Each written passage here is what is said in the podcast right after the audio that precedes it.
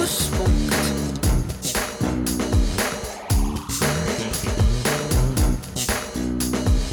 plusspunkt.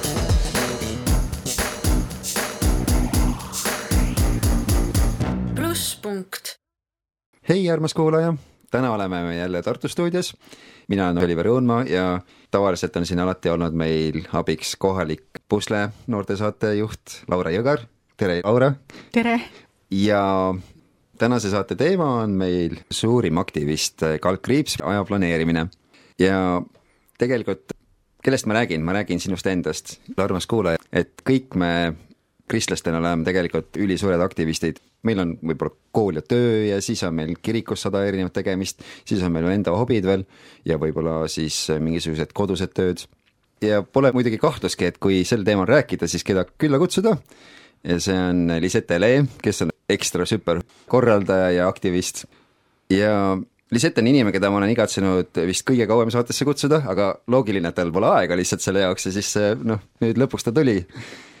ja lihtsam vist on ette lugeda kõiki asju, millega sa tegelenud ei ole. aga ma üritan siis mõned asjad siin välja tuua, tõesti rõhutan, on ainult väike hulk nendest asjadest, mida sa teinud oled. kõigepealt sa teed ise ka oma koolis raadiosaateid, podcast'e Selge pilt ja soovitan siis kõigil Youtube'is kuulata, saate palju targemaks, kuidas käib ühe väikese piirlinna koolielu. siis sa aitad kirikus ülistada, sa laulad hästi, sa mängid hästi klaverit, aga isegi trumme niimoodi, et trummipulgad lendavad. Siis sa oled olnud noor noortejuht, et alati, kui suvi on tulemas, siis sa sebid mingeid üritusi oma kiriku noortele, viid neid kuhugi jalgrattamatkale või kus iganes. Siis üldse organiseerid ka koolis palju asju, mille eest ilmselt direktor on tänulik ja päris siljas, nagu ma aru olen saanud siis sa oled hobi korras fotograaf, käid sündmusi pildistamas, ka mingeid oma vallaüritusi, siis sa oled modell ja imehästi tunnes kaamera ees, see on nagu üks lemmikkohti, kus sa oled, naudid tähelepanu, siis sa oled hobi korras juuksur, sul on juba, nagu ma aru sain, suvi punane nendest äh, soengutellimustest, sa oled lapsehoidja, sa oled sõitnud motokrossi ja ratsutanud, sa seisad noortevolikogu loomise eest Valgas ja osaled Euroopa Noorteparlamendi töös, käisid äsja just Strasbourgis suurel üle-euroopalisel kohtumisel, siis sulle meeldib süüa teha, sa teed imelist seljankat, sulle meeldib limonaadikokteile segada, talvel sa uisutad ülihästi, sulle meeldivad pääsukesed igast trikid, talvel harjutad neid usinasti kukkumistega segamini, aga su eriline kirg on väiksest peale olnud tantsimine, nii peotants kui ka siis vabatants, mille kavasid sa ise välja mõtled sa juhendad koolis siis omaenda tantsutrupile e-noortele, kus ka su enda õde käib. Nonii, kas mõni asi oli üleliia seal või oli pigem vähem neid asju? no nii palju ma võin öelda, et äh, enam ma ei seisa volikogu eest, vaid ma olen nüüd volikogus ka liige. Ja mul on tohutult hea meel selle üle, et Valgas saab ka vaikselt elu käima tõmmata. Ja et see linn, mis on piirilinn, on tõesti Valga, kust ma tulen, jah, kõik need, mis sa ütlesid, vastavad tõele, et eks seal mingid asjad olen tahaplaanile jätnud, et lihtsalt aega endale leida, et äh, jah, et see võtab väga läbi, kui niimoodi ratsutada ühest kohast teise kogu aeg. Nagu sa ise ka oma saadetes räägid, et kes sa oled, kust sa tuled, jaa, mina olen siis Lisette, perekonnanimi on siis Lee, tulen siis täitsa Valgast, olen niisugune tavaline noor, lihtsalt mulle meeldib õudselt palju asju teha, igal pool seigelda, rännata. Olen siis kaheksateist, paar kuud juba olnud ja käin Valga nelipühis ning äh, tõesti tegelen igasuguste erinevate asjadega ja löön ka koguduses aktiivselt kaasa mm. -hmm. kuidas sa seda kõike teed ja jaksad, mille me ette lugesime? no selle jaoks on väga suur asi, on tahe. sa pead tahtma, siis sa suudad teha ja öeldakse, et kes tahab, see jõuab ja saab. eks kooliga on natuke teistmoodi asi, seal sa lihtsalt pead jõudma. Aga ütleme niimoodi, et kui sa oled niisugune aktiivne noor, siis hästi oluline asi on see, et sa paned paika, kuidas sa teed ja mida sa teed ja miks sa teed.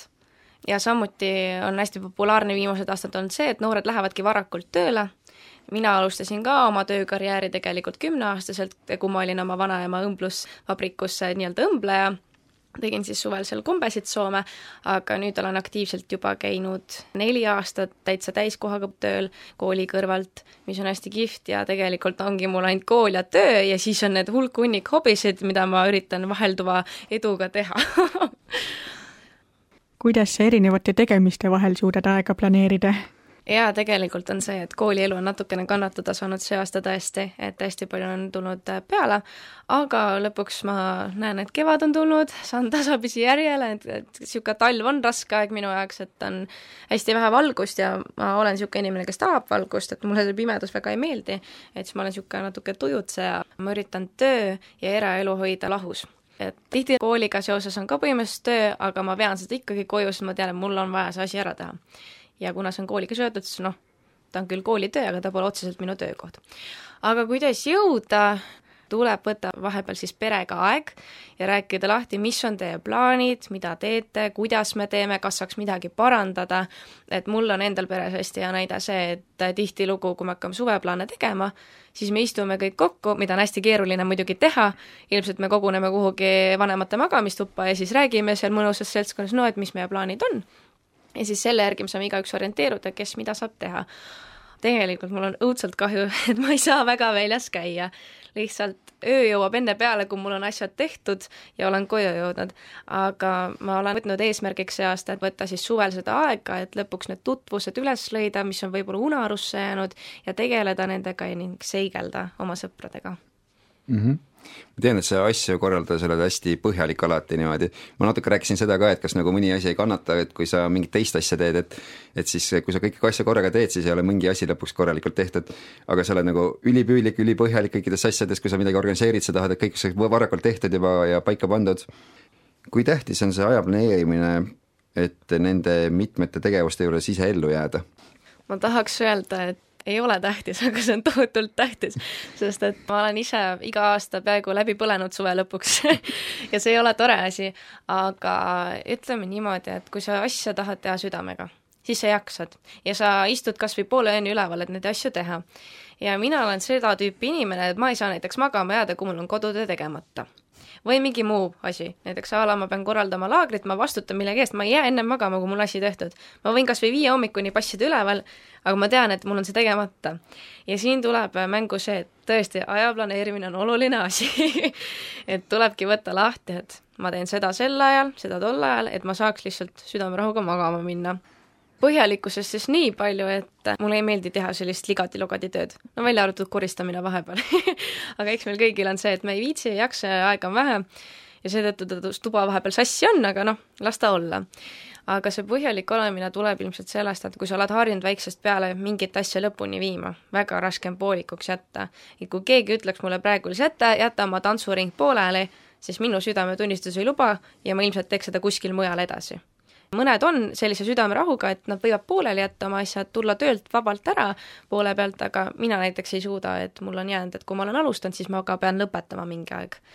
no samas see põhjalik olemine ju väsitab eriti, kui sa kõiki asju tahad teha eriti põhjalikult ja hästi ja see väsitab tohutult ja see nõuab ressursse ja minult see kõik tuleb une arvelt enamjaolt ja see ei mõju tervisele just hästi, aga see ongi jälle minu arenemisruum, et äh, kuidas teha asju paremini nii, et ma ei võtaks äh, nii-öelda oma ressursse une pealt. aga kui tihti on sul olnud tunnet, et tõesti enam ei jaksa? kui me võtame selle aasta, mis nüüd praegu käib, siis mul on olnud kaks korda juba see aasta, et ma ei jaksa. ja tõesti, ma muidu olen äh, emotsionaalne inimene, aga see aasta mul tundub, ma olen ikka väga emotsionaalne inimene olnud, et kui on ikkagi tulnud kõik asjad järsku korraga kokku on väga raske üle saada, et oh, kõik on hästi, on ju, et tihti on see, et kui me läheme sõpra lohutama, et tal on midagi juhtunud, näiteks a la, et tal vanematest keegi suri ära, siis mõtled, pole hullu, on ju, et saad üle, no ei saa ikka. et selles suhtes ka minul on see, et kui on kooliga halvasti, no ma ei saa üle sellest, ma pean kuidagi ennast reele saama. või siis mingi asjaga, et olen ennast näiteks lubanud pildistama, aga tegelikult olen haige ja ma tean, et ma tegelikult ei tahaks minna, et tervis ei kannata, ikkagi ma lähen. ja see tekitab lõpuks mul endas halva tunne, miks ma pidin ronima sinna, et ma oleks saanud ju tervist hoida aga see ongi see, et sa oled lubanud, sa ei taha lubadust murda ja siis jällegi on see asi, et ei jaksa enam ja tahaks lihtsalt pooleli jätta, aga siis tuleb selline nipp kasuks, et sa võtad nädal aega nii-öelda selle kas siis hobi või ala võtab vabaks, välja arvatud kool, mida ei saa, on ju, aga võtad nagu enda jaoks aega korraks, lähed kas või jalutad looduses ja mõtled, et mida saaks teha, et asi oleks parem. mäletan, kui sa veel põhikoolis käisid ja sul oli käsil muusikakooli lõpetamine, siis sul oli tavakoolis ka hästi palju õppida ja sa ilmselt kukkusid vist isegi üks hetk koolis kokku, sest sa said ainult neli tundi öösiti magada. et kas see ongi see kõige hullem näide üldse su elust?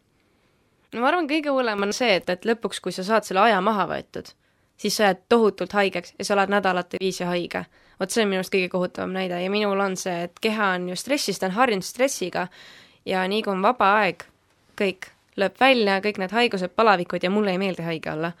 Ja kui ma tean, et ma pean vähemalt üle nädala haige olema, no siis sorry, aga no go see ei sobi minule aga jaa, et sa just ütlesid, et mul oli vahepeal tõesti periood, kus ma neli tundi sain vaevalt magada ja see oli see koroonaaeg. Ja üleüldse see oli väga raske just vaimsele tervisele, et äh, õues väga käia ei saanud. kui käisid, siis Valga on väga väike linn, siis kohe sõimati sind sellest, miks sa õues oled, et koroonaaeg on, on ju, et poes ka käia ei tohtinud, ainult vanemad võisid välja minna. ja siis see oli niisugune minu meelest natuke absurdne, et kui sul on koer kodus, sa pead ju jalutama minema, aga sind ei lasta jalutamagi, et äkki levitad koroonat, on ju. aga no õnneks nüüd on see aeg läbi ja eks see ei ole lihtne, kui sa oled põhikoolis ja muusikakoolis samal ajal ja lõpetamised on ka niimoodi, et üks lõpeb ja kohe teine algab. Et see on väga stressirohke ja ma loodan, et kellelgi teisel koroona ajal ei olnud sellist asja, et neli tundi oled koolis ja lõpuks, kui kooli saad, korraks kas või eksamite jaoks, siis sa lihtsalt võidki kokku kukkuda, pildi korraks taskusse visata ja siis tuled tagasi mõtled, uh, nüüd on asi vist läbi kui palju ja kuidas on nendes tegemistes olnud sulle Jumal abiks? väga palju asju tuleb ju läbi mõelda enda jaoks ja väga palju asju tuleks ka üle küsida Jumala käest. et ei läheks võib-olla liiga palju nii-öelda enda mõtetega rännakule. hea näide on see, et kui mul olid põhikoolis eksamiperiood, siis mulle hakkas matemaatika meeldima, aga ma ei ole matemaatikas just kõige tugevam, kuigi ma käin hetkel reaalklassis, sest et ma tahan enda hirme ületada ja ma tean, et see on suund, mida ma vajan, et minna oma elus edasi, aga ma teadsin, et matemaatikas ma ei saa võib-olla loota kõige paremat tulemust. Ja ma tohutult narveerisin, sest et ma enda arust olin lõpuks teemad selgeks saanud, aga ikkagi mingid lüngad on jäänud, sest koroonaaeg ja veebi teel on väga raske õppida, ja siis lõpuks oligi see, et kui kell tiksus kaksteist öösel, siis ma sain alles arvuti tagant õppimistega minema ja siis ma ütlesin iga õhtu, et kallis jumal, palun aita mind, et no ma reaalselt ei jaksa ja mul jookseb see juhe nii tihti kokku, et ma ei saa aru vahepeal, mida ma õpin.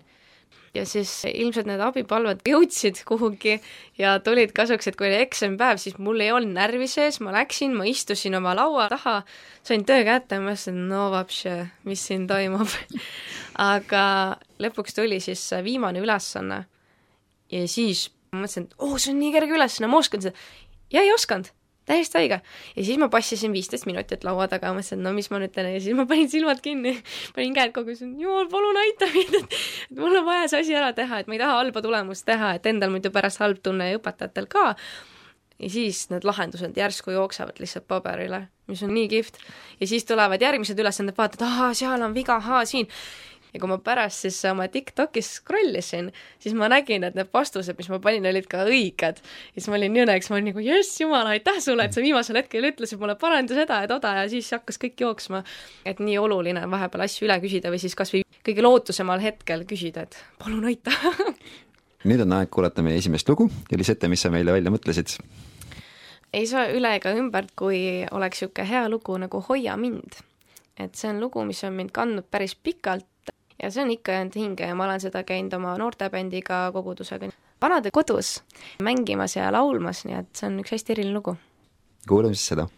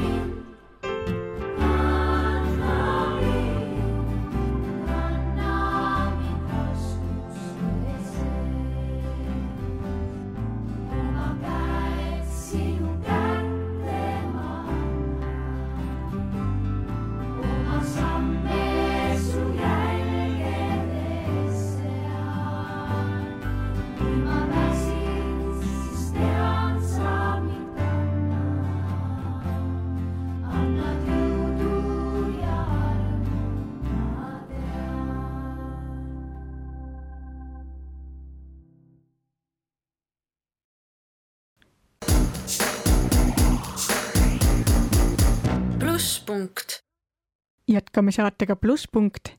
tänane saatekülaline on Lisette Lee ning saatejuhid on Oliver Õunmaa ja Laura Jõgar. Lisette, sa oled alati olnud üsna iseseisev, tahtnud kõigega ise toime tulla.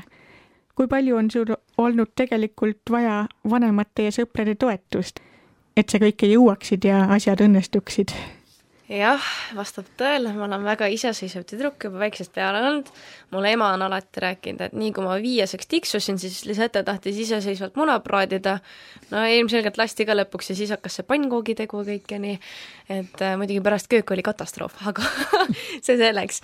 et jaa, tegelikult oluline roll on tõesti sõprade ja pere toetus. ja ilmselt võib-olla, miks ma seda paremini mõistan, on seetõttu, et mul ema ise on hingehoidja ja on ka Kiva juht meil põhikoolis Valgas ja seal on kogu aeg see teema, et toetust on vaja. ja tihti see kerkib väga palju meil peres ka esile. vaimselt on hästi oluline see toetus, et sa saad hakkama, kuigi vahepeal seda tuleb liiga palju, sa tüdined ära, aga ikkagi mõnikord on seda vaja, seda lauset kas või, et sa oled tubli, et ma enda jaoks just olen avastanud seda, et viimased nädalad on kuidagi olnud sellised, et noh, et ei jaksa, et muidu mul endal olnud alati see, et lähed, ütled mingi komplimendi kellelegi, kes on koolis, keda sa ise ei tea näiteks, või võõrale ütled tere, on ju, et juba see võib-olla teeb mõne päeva, aga mul endal on tõesti olnud see, et kui sa ise teed, sa tahad ka tagasi saada. ja väga raske on vahepeal tagasi saada, sest et sa oled endast kõik andnud ja lõpuks, kui sa hakkad tagasi saama, siis on nii kihvt tunne mulle õudselt meeldib alati see, et kui ma teen äh, koguduses ülistust, siis alati tulevad just need vanemad naisterahvad, et nii tubli, nii äge, meile nii meeldis, et see on hoopis teine vibe ja ma olen alati tahtnud teha nii, et oleks kuidagi kaasaegne asi, et ei jääks nagu vanasse aega kinni. et alati oleks uuendusi, et ennast arendada ja ka, teised saaksid silmaringi arendada enda jaoks, et oh, seda saab ka teha niipidi, on ju. aga hästi oluline on see, et sul oleks vähemalt üks sõber, keda sa saad ka sõbraks nimetada et mina teen väga suurt vahet, kas on sõber või on tuttav. sõber on see, keda sa usaldad ja tuttav on see, kellega sa lihtsalt räägid igasuguseid asju ja jagad midagi. ja õnneks mul on selline üks sõbranna olemas Valgas, kellega ma väga hästi saan läbi lasteaiast saadik ja ikkagi me leiame vahepeal need nädalavahetused, et võtta aega natuke jalutada, et meil on olnud ka selliseid kokkusaamisi, kus ma ütlen, et kuule, lähme ruttu õue jalutama. Ja ma tean, mul on ainult viisteist minutit aega ja siis ma räägin see terve viisteist minutit talle asja ära ja siis ta nagu väga hea, nüüd sa saad edasi asjaga minna. Et on ka selliseid asju olnud ja eks see on niisugune kiirete inimeste asi, et vahepeal tuleb see pisike aeg võtta ja rääkida. füüsiline pool on see, et ma muidu ei ole selline inimene, kes väga armastaks kallistada aga iga aastaga järjest lähedamaks ta mulle saab, et kui keegi tulebki vahepeal kallistab, et oh, sa olid nii tubli, siis see tähendab juba poole rohkem kui ainult see lause ja mida ma olen tähele pannud, on ka see, et lapsed vajavad seda, et ma ise juhendan tantsuringi, siis ma näen, et lapsed tahavad toetust. Nad tulevad juba küsima, et kas ma võin kalli teha sulle. see näitab, et kuidagi ebaturvaline tunne neil olnud ja mingi halb kogemus võib-olla ja nad tahavad taastada seda või nad otsivad seda lähedust. ja seetõttu ma olen võtnudki eesmärgiks, et oma tantsuringis ma tahan siis teha nii, et ka minu lapsed, kes seal käivad, oleksid turvalised, tunneksid, et me oleme ühtne pere ja see aasta on see saavutus tehtud, küll aga neli hooaega läks aega, et see pere tekiks seal, et see tunne tekiks, et me suudame üksteist usaldada. mul oli väga kihvt kogemus nendega, et kui me läksime üks päev enne koolitantsu esimest vooru, mis on siis maakondlik voor, läksime võistlema, täpselt üks päev enne seda me nutsime trennis, tund aega lihtsalt nutsime rääkisime oma lugusid, kes rääkisid, et neil on raske olla, kellel vanemad on lahku läinud ja järsku kõik avasid ennast, see on nii kihvt asi. kuigi ma olen aastaid-aastaid palunud Jumala käest, et palun aita mind, et pere oleks ühtne, et ei oleks kiusu seal. et noh, tihtilugu on see, et noored on hästi kiuslikud ja sellega peab tegelema, et ma ei ole ainult tantsuringi juhendaja. ma üritan väga palju endast anda ja tantsuring on hea näide sellest, et toetust on vaja igatpidi. olgu see sõnaline, olgu see siis kas füüsiline, aga sul on seda vaja et sa lihtsalt kokku ei kukuks. ja mõnikord on ka nii, et kui ma olen laagreid käinud korraldamas, et kui keegi tuleb ja ütleb mulle, oh, see oli nii hea, see annab julgust teha asju veel paremini ja veel rohkem ja suurema innuga mhm. põhimõtteliselt siis, et sa saaksid olla iseseisev, nagu sa oled, sul on vaja ikkagi seda tugevat tagalat. jaa, et ikkagi peab taga olema see nii-öelda tagala, ehk siis sinu pere on esimene asi, kes sind toetab, teisejärguline võib-olla sõber, mõnel on võib-olla vastupidi, sest sa, sa ei tea, kas on pereinimesel või ei ole aga see on oluline, et kui sa oled enda jaoks see, et ma olen endaga rahul, siis sa saad ka teisi usaldada, aga kui sa ei ole ka endaga rahul, siis on jälle see, et sa pead natuke ülevasse poole vaatama, küsima, et kuule, et jumal, et aita mind, et ma endaga kõigepealt rahul oleksin. et siis on hea minna edasi teiste nii-öelda tagalate juurde mm. -hmm. no ma võin tuua ühe näite sõprade toetusest sinu elus selles mõttes, et kuna sa enne ise rääkisid ka, et sul ei jää aega eriti magada, kui sa tahad hästi põhjalik olla, nagu sa oled, et siis mäletan, et ühes laagris meie ühine sõber Joosep Metsala, kes siin saates ka käinud on, ajas sind vägisi magama, sellepärast et sa natukenegi puhkaksid, mitte ainult ei sibliks ringi. ja siis pärast laagrit kirjutasid sa meile ja teatasid, et see on esimene nädal, kus sa oled maganud igal öösel kaheksa tundi. ja siis me tegime sulle selle eest diplomi panime kuldsesse raami, et see oleks nagu kuldne reegel sinu seina peal, et ma magan iga öö kaheksa tundi. on sul see diplom alles, on ikka seinal? On alles, raam on katki sest et mul on väike vend kodus, kellele meeldib õudselt turnida aga jaa, ta on alles mul ja see oli tohutult armas kingitus, sest et minu jaoks see tähendas palju, sest tavaliselt keegi ei väärtusta seda, et oh, sa oled kaheksa tundi maganud. et minu meelest on naljakas näha seda, kuidas noored räägivad, oh, ma magasin täna ainult viis tundi, siis öeldakse, oh, väga hea, et ma magasin üldse neli tundi. no see ei ole asi, millega võib-olla niimoodi eputada, aga mõni laps ei julgegi võib-olla öelda, et kuule, ma magasin täna üheksa tundi ja tema jaoks on võib-olla seda vähe et mina tean, et minu unenorm peaks olema seitse kuni kaheksa tundi, aga tihti ma magan vähem ja just äh, mul tuttav teeb uuringut selle kohta, et kas siis need inimesed, kes magavad vähem, teevad ka rohkem. ja mis on selgunud, ongi tõesti see, et need, kes magavad vähem, need teevad rohkem ja need, kes magavad rohkem, need siis teevad vähem. aga see ei ole muidugi tervislik jällegi et jah. Aga kui sa oled vähe maganud, siis kuidas sinu keha sellele reageerib, näiteks mul, kui juba mitu ööd on viis tundi olnud, kuidagi meeleolu läheb alla ja tundub, et kõik on halvasti, kuigi väliselt ei ole, aga sisemiselt on ja asi paraneb alles siis, kui ma magan. Noh, siin on väga halb näide minu poolt, et ma tavaliselt ei näita välja seda, et ma tahan olla, et kõik on hästi, ma saan hakkama, aga mul on olnud selliseid olukordi, kus ma olen juba olnud kaks nädalat, nii et on väga vähesed unetunnid, on maksimaalselt võib-olla viis tundi kätte saadud öös ja sa oled kogu aeg rakkes, sa teed laagrit, sa jooksed järgmisele üritusele, järgmisele ja sa oled kogu aeg jalgade peal ja siis mu keha ütles üles ja mul lõid hästi suured krambid sisse, nii et ma olin omadega EMO-s. et see ei ole tore, aga kindlasti ma saan juba väsimusmärkidest aru, et minu puhul on hästi hea näide see, et kui ma olen hästi rakkes omadega, ja ma olen lõpuks hästi kurnatud, siis minu vaimne tervis ütleb, et äh, sa tahad olla sotsiaalmeedias rohkem. ja siis sa otsid kogu aeg seda telefoni. ja see on väga halb asi, sest niigi sa oled sotsiaalmeedias palju. ja teine asi, mida ma olen tähele pannud, on see, et kui mul hakkab halb tuju pihta, siis ma olen õudselt palju külmkapi ees ja käin kogu aeg, teen lahti ja kinni, lahti ja kinni, aga ometi ei ole sedagi, mida sa tahad, et kogu aeg on niisugune nagu kiusatus toidu järele, et sa tahad nagu nii-öelda asendada seda pinget ja seda nagu väsimust toiduga.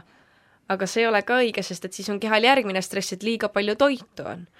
et siin ongi see, et igalühel on need individuaalsed, mõni ma tean, on niimoodi, et nii kui stress tuleb, ta ei taha süüa ka minul oli päris mitu aastat see ja nüüd on just vastupidi läinud, et nüüd tahad kogu aeg süüa, et noh, et ei ole enam kuskilt seda energiat võtta, aga siinkohal on hea see, et ma alustan päeva alati klaas veega või siis võtan klaas mahla, sest et mahl on kasulikum kui kohvi. nii et jah, tasub mõelda, mida hommikul kõigepealt klaasist juua. jah, see, nagu sa ütlesid, et ma saan hakkama, mul ei ole midagi viga, see on nii tuttav sinu juures, et sa oled üsna kange iseloomuga tegelikult ja alati sa ütled, et ma olen pärit Valgast, ma olen tugev tüdruk, ma saan hakkama, ühes teises laagris ma mäletan, kui sul kõht päevade kaupa valutas, siis ma reaalselt lõpuks kutsusin vägisi sulle arsti, sest sa poleks lubanud seda teha. sa ütlesid, et nagu kõik arstid on juba läbi uurinud, nagunii ei leia midagi, eks ole. aga samas aitas see kangus sul näiteks võita sinu põlveprobleeme, sinu suur kirg on tantsimine ja siis vahepeal arstid ei andnud eriti lootust, et sa üldse tantsida saad enam edasi ometi sa jätkasid sellega ja nüüd imeline tulemus näiteks sinu oma tantsuringi juhendamisel, et kui palju seesama kangus on olnud sulle selliseks takistuseks ja kui palju seesama kangus on olnud sulle õnnistuseks?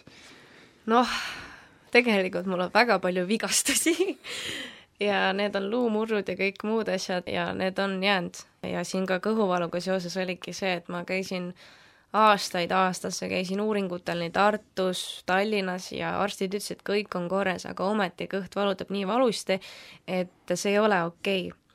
ja tihtilugu on see, et kui meil on midagi valus, noh, kas või vaimselt, siis me aktsepteerime seda, nii peabki olema. aga sa ei pea aktsepteerima seda. siis sa lõpuks saad aru, et ma pean tegelema sellega. ja nagu siin oligi, et ma ei tahtnud nii-öelda öelda, et ma aktsepteerin seda, siis ma ütlesin, et ma saangi hakkama, ma olen tugev, küll see üle läheb, aga tegelikult ma teadsin, et mul lootust ei olnud, sest ma ei teadnud, milles probleem on, arstid ei tea, siis sul lõpuks ongi see, et noh, ma lepin siis sellega. aga eks siin ole ka kõik omad muud asjad mängus ja mul on ehtne näide see, et mul on hüppeliiges juba kaksteist aastat tegelikult täitsa läbi omadega ja ütleme nii, et kui mul see jalaluu läks katki sealt ja mõrad tekkisid ka hüppeliigesesse ja killud olid väljas, siis Valgas kahjuks meil see meditsiiniline pool ei ole nii hea kui Tartus ja mis sa siis teed, et sa ikkagi lepid sellega, kus sa pead elama ja kus sa abi saad. aga minule lihtsalt see on kätte maksnud see, et ma ei saa väga paljusid asju teha.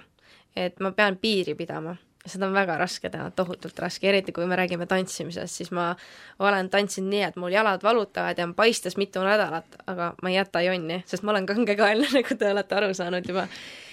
mingis mõttes ta maksab kätte. ehtne näide on see, et kui mul juhtus jalaga see probleem, siis viis aastat hiljem mulle arstid tegelikult kirjutasid äh, välja spordikeelu aga ma ei iitsetanud sellest oma vanematele ega kehalise õpetajatele, vaid ma tegin asja edasi, ma teadsin, et ma saan üle sellest et äh, ma ei tohi lihtsalt seista käed rüppes ja ah ma ei tohi midagi teha, et noh, nii raske on teha, kui sinu kirg on näiteks tantsimine, siis öeldakse sorry, ära tegele aasta aega. no ja siis ma ei iitsetanud midagi, nüüd nad õnneks teavad, et mul oli kunagi niisugune asi, aga see selleks, aga ma võtsin nagu eesmärgiks, et ma treenin ennast. Et ma teen hüppeliigesele siis neid harjutusi, mis aitaks tagasi reele saada, et eks ma siis uurisin iseseisvalt internetist nii palju, kui ma oskasin ja küsisin oma tuttavate käest, kellel on ka sarnased olukorrad olnud vigastustega. Ja eks see palvetamine on ka väga suur asi, et ikkagi laagris käid ja panti käed peale, ma mõtlesin, no ma olin juba lootust kaotanud, no ei tule midagi, et kui ei ole tulnud, siis ei tule see kaheteistkümnes kord kah, aga ikkagi lõpuks sa näed seda, et tegelikult see valu leeveneb. aga jällegi on see, et nii-öelda vigastuste valud ka, me aktsepteerime neid lõpuks, mis on kurb, sest me ei saa neist lihtsalt lahti. aga kui ongi näiteks vaimselt see, et sulle on sisendatud, et a la, et sa oled kole, siis sa aktsepteerid seda, aga sa ei räägi kellelegi ja keegi ei saagi seda ära võtta. ja mul on hästi äge näide sellest, et kui ma kunagi käisin ühes laagris, siis ma panin äh, käed peale ühele oma sõbrannale ja ma tunnen, et ma pean talle ütlema, et lase lahti sellest, mis on sinu sisse jäänud. mina ei teadnud, mis see tähendab äh, tema jaoks. ja pärast ta tuleb siis äh, suht niimoodi öösel ronib telki mulle pisarates, et tead või, juhtus niisugune asi, te ütlesite ühe lause, mis pidi nagu tühine olema, aga tegelikult see oli nii oluline asi, et ta sai aru, et äh, ta on kogu aeg öelnud endale, et see on okei okay,, kui ta ennast lõigub ja ta ei pea sellest rääkima. Aga ometi ta lõpuks sai aru, et see on nii vale asi, et saatan on teda siis niimoodi rünnanud ja öelnud, et see on okei. Okay.. ja lõpuks ta sai aru, et see ei ole okei okay ja tuli välja ja rääkis ja siis lõpuks sai ka üle sellest. ja jumal tänatud, et arme pole jäänud, et see on nii oluline asi, et neid niisuguseid süngeid asju on väga palju olnud ja neid tuleb alati ja nendega peab arvestama, sest et meie kellegi elu ei ole lilleline. kuigi me ütleme, et elu on kui lill, on ju. noh, suvel võib olla, aga sügis ja talv on see teine asi, on ju. aga jah, kangekaelsus vahepeal aitab, sest et sa jõuad oma eesmärgini, sa suudad ennast ületada, aga vahepeal ta maksab kätte, et sa lihtsalt teed liiga endale ja sa oled täitsa rivist väljas omadega. et siis sa pead oskama seda kuidagi doseerida niimoodi, mõtlema, millal see on õigustatud, millal mitte jah, et äh, kui sul on ikkagi käelumurd ja sa tahad väga ujuma minna, siis sa ei saa minna, aga sa tahaksid minna, et siis sa pead mõtlema, et kas ma siis lähen ja upun või siis ei lähe ja ei upu. nüüd on paras aeg kuulata järgmist laulu. järgmine laul on üks äh, minu esimesi lemmikuid ülistuslaule, mida ma tegin oma bändiga oma koguduses. ja see on The River ehk siis eesti keeles ta tegelikult vist on tõlgitud, et siin jões me elavaks saame ja see on hästi kihvt lugu minu meelest. see laul räägib hästi palju asjadest, mis on mind puudutanud ja ongi, et sul on vahepeal vaja seda jõge, kus sa elavaks saad. et sul on vaja vahepeal, et jumal tuleb oma sellise hooga sinust läbi ja niimoodi ütleb, et no ja nüüd sa oled jälle täidetud, mine ja tee, et sa oled kosunud.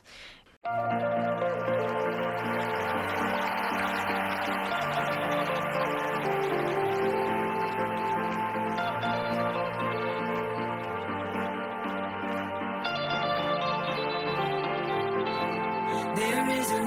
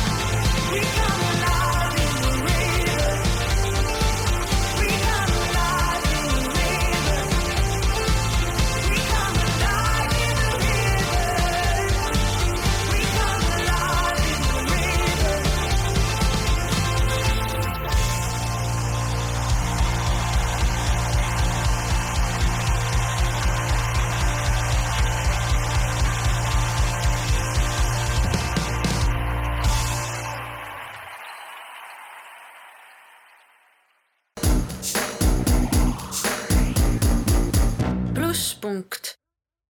no nii, aitäh, Lisette, selle toreda loo eest.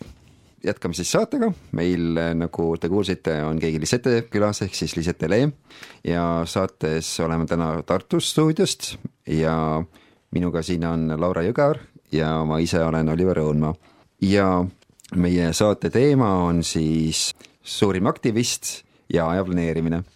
Moosese raamatus on, nagu me kõik teame, kirjas kümme käsku ja nende seas on ka see, et kuus päeva tee tööd ja toimeta kõiki oma talitusi. aga seitsmes päev on issanda sinu jumala hingamispäev. siis sa ei tohi toimetada ühtegi talitust, ei sa ise ega su poeg ja tütar, ega su sulane ja teenija, ega su veoloom ega võõras, kes su väravas on. sest kuue päevaga tegi issand taeva ja maa, mere ja kõik, mis neis on, ja ta hingas seitsmendal päeval. seepärast issand õnnistas hingamispäeva ja pühitses selle. et siis see puhkamise käsk on andnud meie enda jaoks tegelikult et me taastuksime ja võtaksime ühtlasi aega ka Jumala jaoks. psühholoogid räägivad, et mida rohkem või suuremaid pingutusi teeme, et seda rohkem peame puhkama ka, et umbes see on nagu niisugune vanaaegse kella pendel, et mida suurema kaare ta ühele poole teeb nagu pingutuste poole, seda suurema kaare ta peab tegema ka siis puhkuse poole. ja siis eh, hiljuti Tallinnas oli konverents, kus õpetati süütundeta logelema ja siis ma kirjutasin sulle ka lihtsalt ette, et kuule, et see on midagi sinu jaoks, mine õpi logelema ka vahepeal, et sinu enda tervise nimel sa siis ohkasid selle peale, et oh jah, aga kui palju sa selle ajaga oled õppinud seda, et puhkus on kõige su tegemiste juures ikkagi vajalik? no kust ma nüüd alustaks, tegelikult ma olen iga aasta aru saanud, et puhkus on vajalik. aga et puhata on nüüd kaks varianti, kas sa oled see inimene, kes reaalselt tahab puhata või sa oled see inimene, kellel on puhkus käes ja mõtleb, mis ma nüüd ära saaks teha, on ju. no ma olen ilmselgelt see teine variant, et kui mul on puhkus käes, mis ma nüüd teha saan ma saaks sinna minna, toda teha, ma saaks seda teha, noh, ma ei oska olla, sest et sa oled harjunud kogu aeg olema hobune rakkes. nii raske on tulla sellesse aega, et nüüd sa istud, oled ja mõtled ja lihtsalt puhkad. ja vahepeal on minu meelest nii illegaalne magada üheksa tundi. ma ei tea, miks, aga see on vahepeal niisugune tunne, et magad üheksa tundi ära, siis mõtled, mis nüüd juhtus aga see aasta ehk siis kaks tuhat kakskümmend kolm ma tegin endale sellise pisikese lubaduse, nagu me kõik teeme lubadusi, aga neid ei täida vahepeal, et ma pean see suvi võtma aega iseendale ja leidma kas või ühe nädala, kus ma reaalselt teen sellise plaani, et ma ei lähe tööle, mul ei ole tööasju seal, ma lihtsalt saan teha seda, mida mu hing ihkab. et ma oleks nagu puhanud ka ja rahul omadega. ehk siis eeldatavasti ma tahan õudselt minna motokrossi sõitma, sest ma pole seda ammu saanud teha ja ma tahaks selle jaoks aega leida et tunda jälle ennast nagu selle ekstreemse lisetana, kes on seal neid matse pannud ja kõike, et see on niisugune, motokross on nagu ehtne näide sellest, et nagu sa kõnnid nagu koos Jumalaga, ikka sa libastud ja teed mingeid vigu, on ju, aga sa pead ju üles tõusma, sa ei saa raja peale jääda sinna kummuli, et äkki keegi teine sõidab veel sisse. puhkus on nii tähtis asi, aga sellest on vahepeal nii raske aru saada aga mida ma olen teinud, on see, et kuna mul on kaks töökohta ja üks töökoht on siis rullmassaaž ja kui mul on klient, kes on juba asja käppa saanud, siis mul on tund aega tegelikult vaba. ja ma olen leidnud aja, et lugeda midagi, kas raamatut või siis hoopis kuulata mingit saadet, et see on asi, mis tegelikult natuke laeb mu akusid, mis on nagu puhkus minu jaoks. mulle meeldib öelda telefoni kohta kassikaabe, et ma ei ole kassikaapes, kogu aeg ei kaabi seda, vaid reaalselt ma võtan raamatu ja loen ja tunnen ennast inimesena et see on nii oluline asi ja samuti ka piibliga, et sa ju pead vahepeal selle kätte võtma, ega ta ei saa kogu aeg nurgas istuda.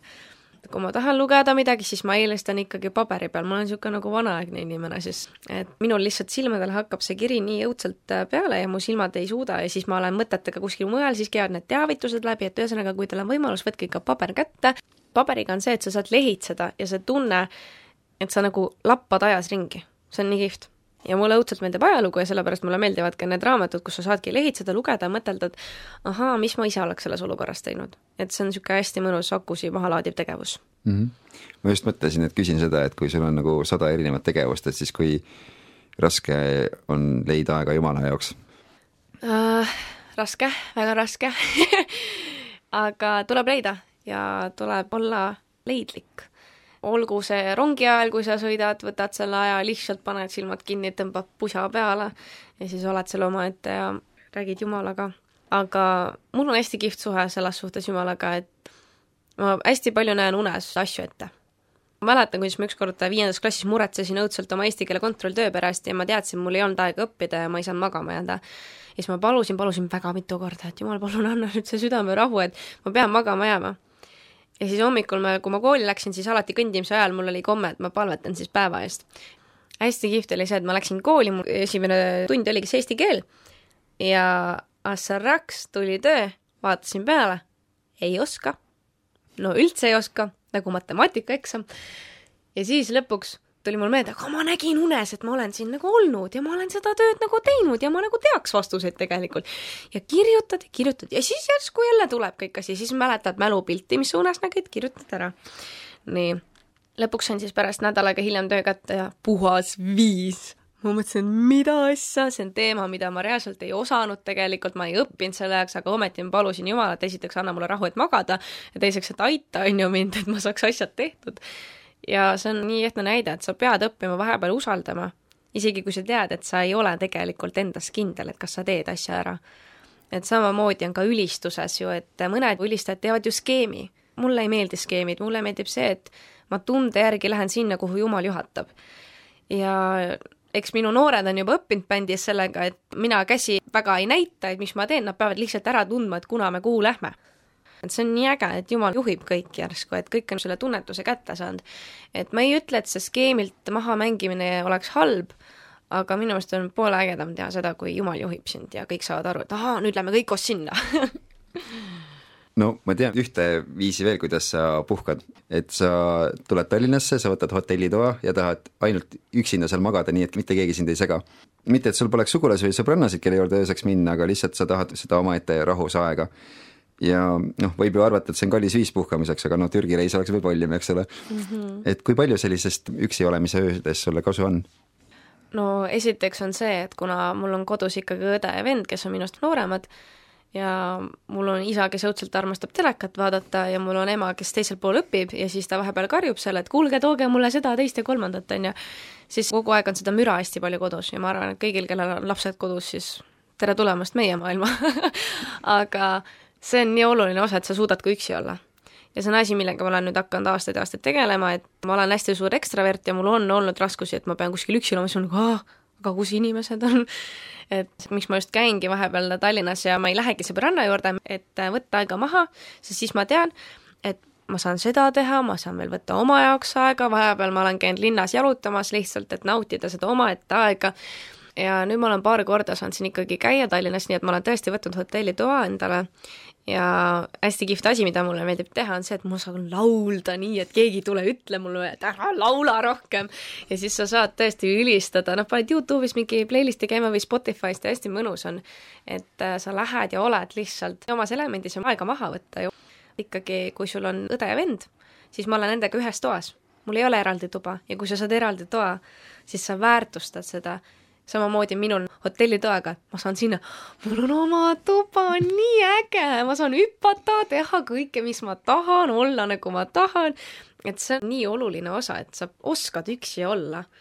nii et ekstravert Lisetel on siis ka introverdi hetki? jah, see on tulnud, aga see on väga hea asi nii või naa tuleb ju kunagi iseseisev elu ja ülikooli aeg peale, et siis sa pead ka oskama ju üksi omadega toimetada. see on juba eluks vajalik oskus aga me ei saa võtta nagu puhast lehte, et sina oled täiesti introvert, sina oled täiesti ekstravert, paar aastat tagasi mulle õudselt meeldis Tallinnas seda teha, et ma läksin Raekoja platsile, läksin suvalise inimese juurde, kuule, kes sa oled, kas sa elad siin ja tead, et jumal armastab sind. vennad vaatasid mind nagu hullu.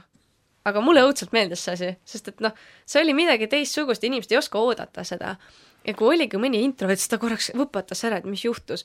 aga reaalsus on see, et mul on sellistest lambistest hetkedest reaalselt jäänud kolm inimest, kellega ma tänaseni suhtlen. et see on naljakas, kuidas jumal armastab sind, lause võib kellegi elu muuta sellega, et ma tahan sinuga suhtlema hakata, ma tahan rohkem saada aru, miks sina armastad Jumalat.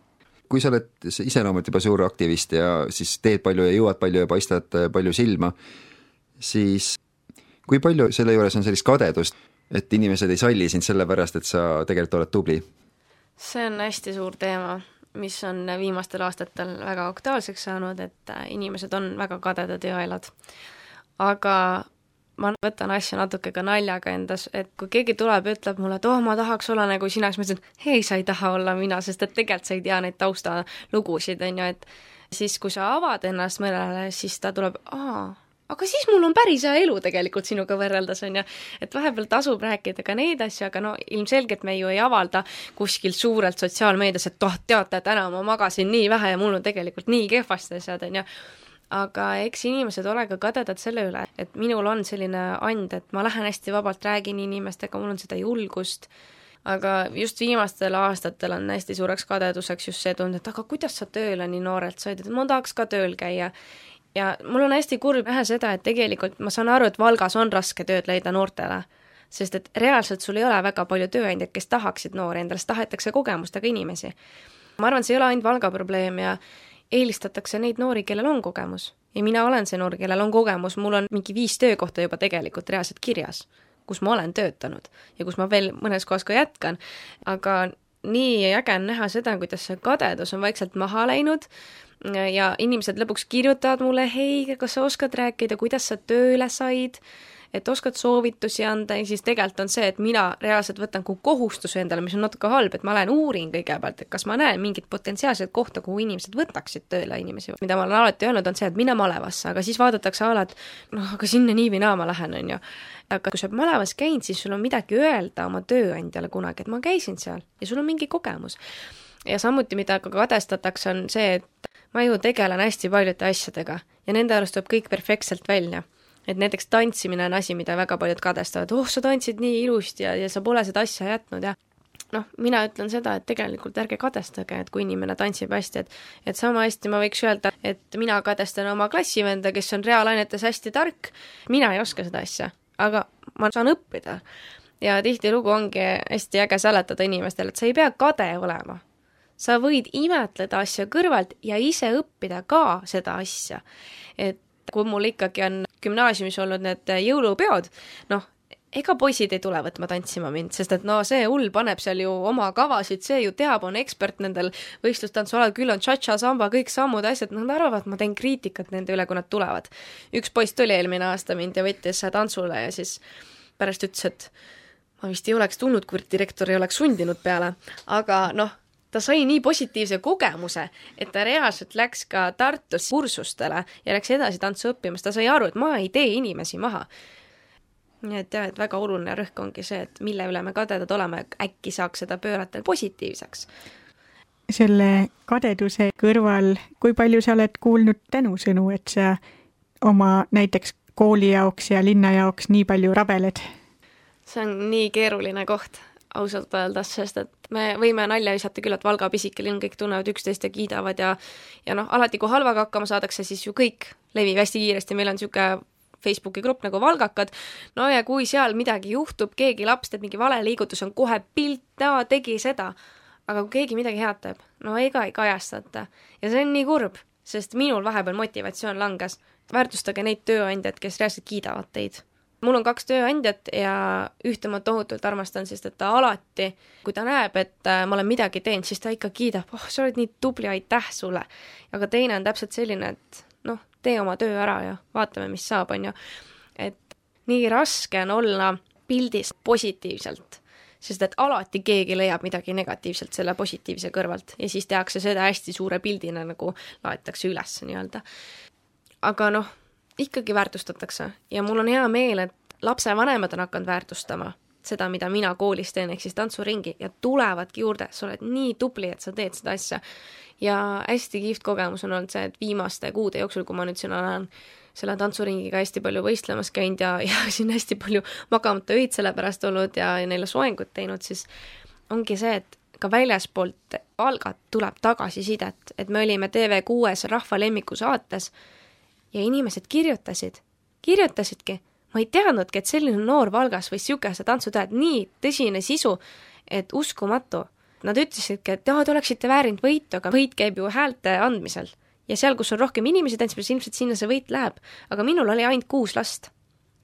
ja kuue lapsega on väga raske seda nii-öelda üle-eestilist võitu saada, aga minu jaoks oli nii tore see, et me saime Valgamaa rahva lemmiku tiitli ja inimesed hakkasid peale seda palju õnne, nii tore, et järsku nüüd märgati, on ju, aga varem ei ole märgatud, sa pead midagi võitma selle jaoks, et sind märgatakse, mis on kurb. selleks võib minna aastaid, nagu minul läks kolm aastat siin ja nüüd alles neljanda aastaga olen saanud neid kiidusõnu tantsuringi kohta. mis nõu sa siis kokkuvõttes annad noortele kristlastele, kes sajas kohas rabelevad ja võib-olla ei saa isegi aru, kui kõik neil üle pea kasvab? No esimene asi on see, et sa pead saama aru, kus on sinu fookus.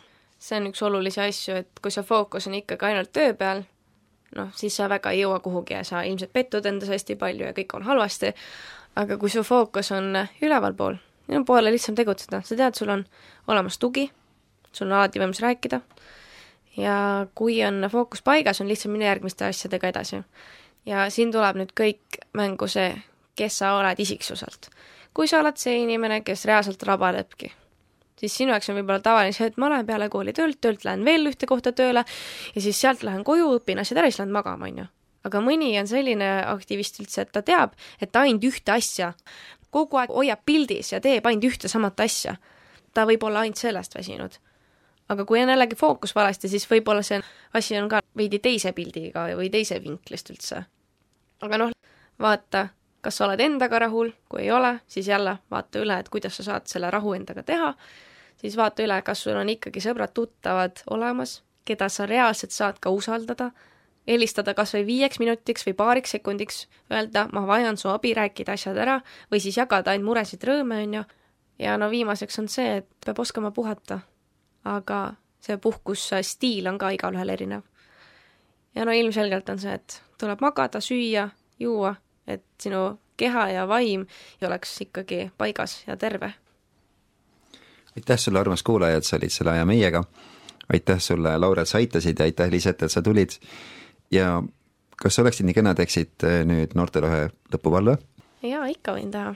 kallis jumal, ma tänan, et sa oled õnnistanud seda saadet siin ja et kõik, kes kuulavad seda, on aru saanud, et me võime olla vahepeal nii tupikus, isegi kui me oleme ekstraverdid või aktivistid, et see asi, mida me teeme, on hea, aga ja vahepeal võib-olla tõesti kaob fookus rajaga, et, et see fookus tuleb tagasi, kui me julgeme pöörduda sinu juurde siis ma palun, et noored ei peaks häbenema sinu poole pöörduma oma muredega või siis küsima sinu käest abi, et nad ei häbeneks seda siis ma palun, et ükstapuha, mis ka ei juhtuks, et sina tood meid tagasi õigele reele ja aitad meil selle tee leida. ja ma tänan, et sa oled saanud rääkida teiste südamesse meie kaudu ning ma tänan, et sa teed ka seda edasi. aitäh sulle, amen. ja millise lauluga me saate lõpetame, Lisette? no see üks ja vanast Iidamast Aadamast on see oma rahu, mis on ülihea lõpetus, et ikkagi see teema ka on täpselt peaaegu seesama. nii et kuulame. oma rahu annan teile, oma rahu jätan ma,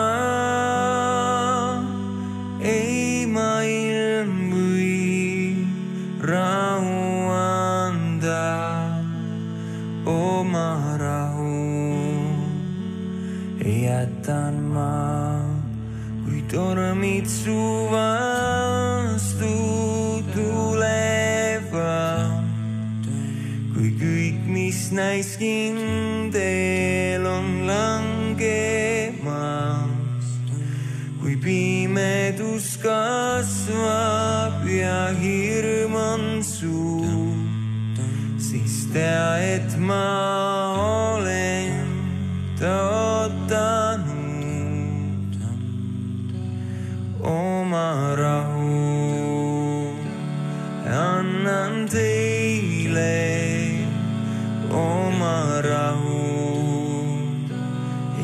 jätan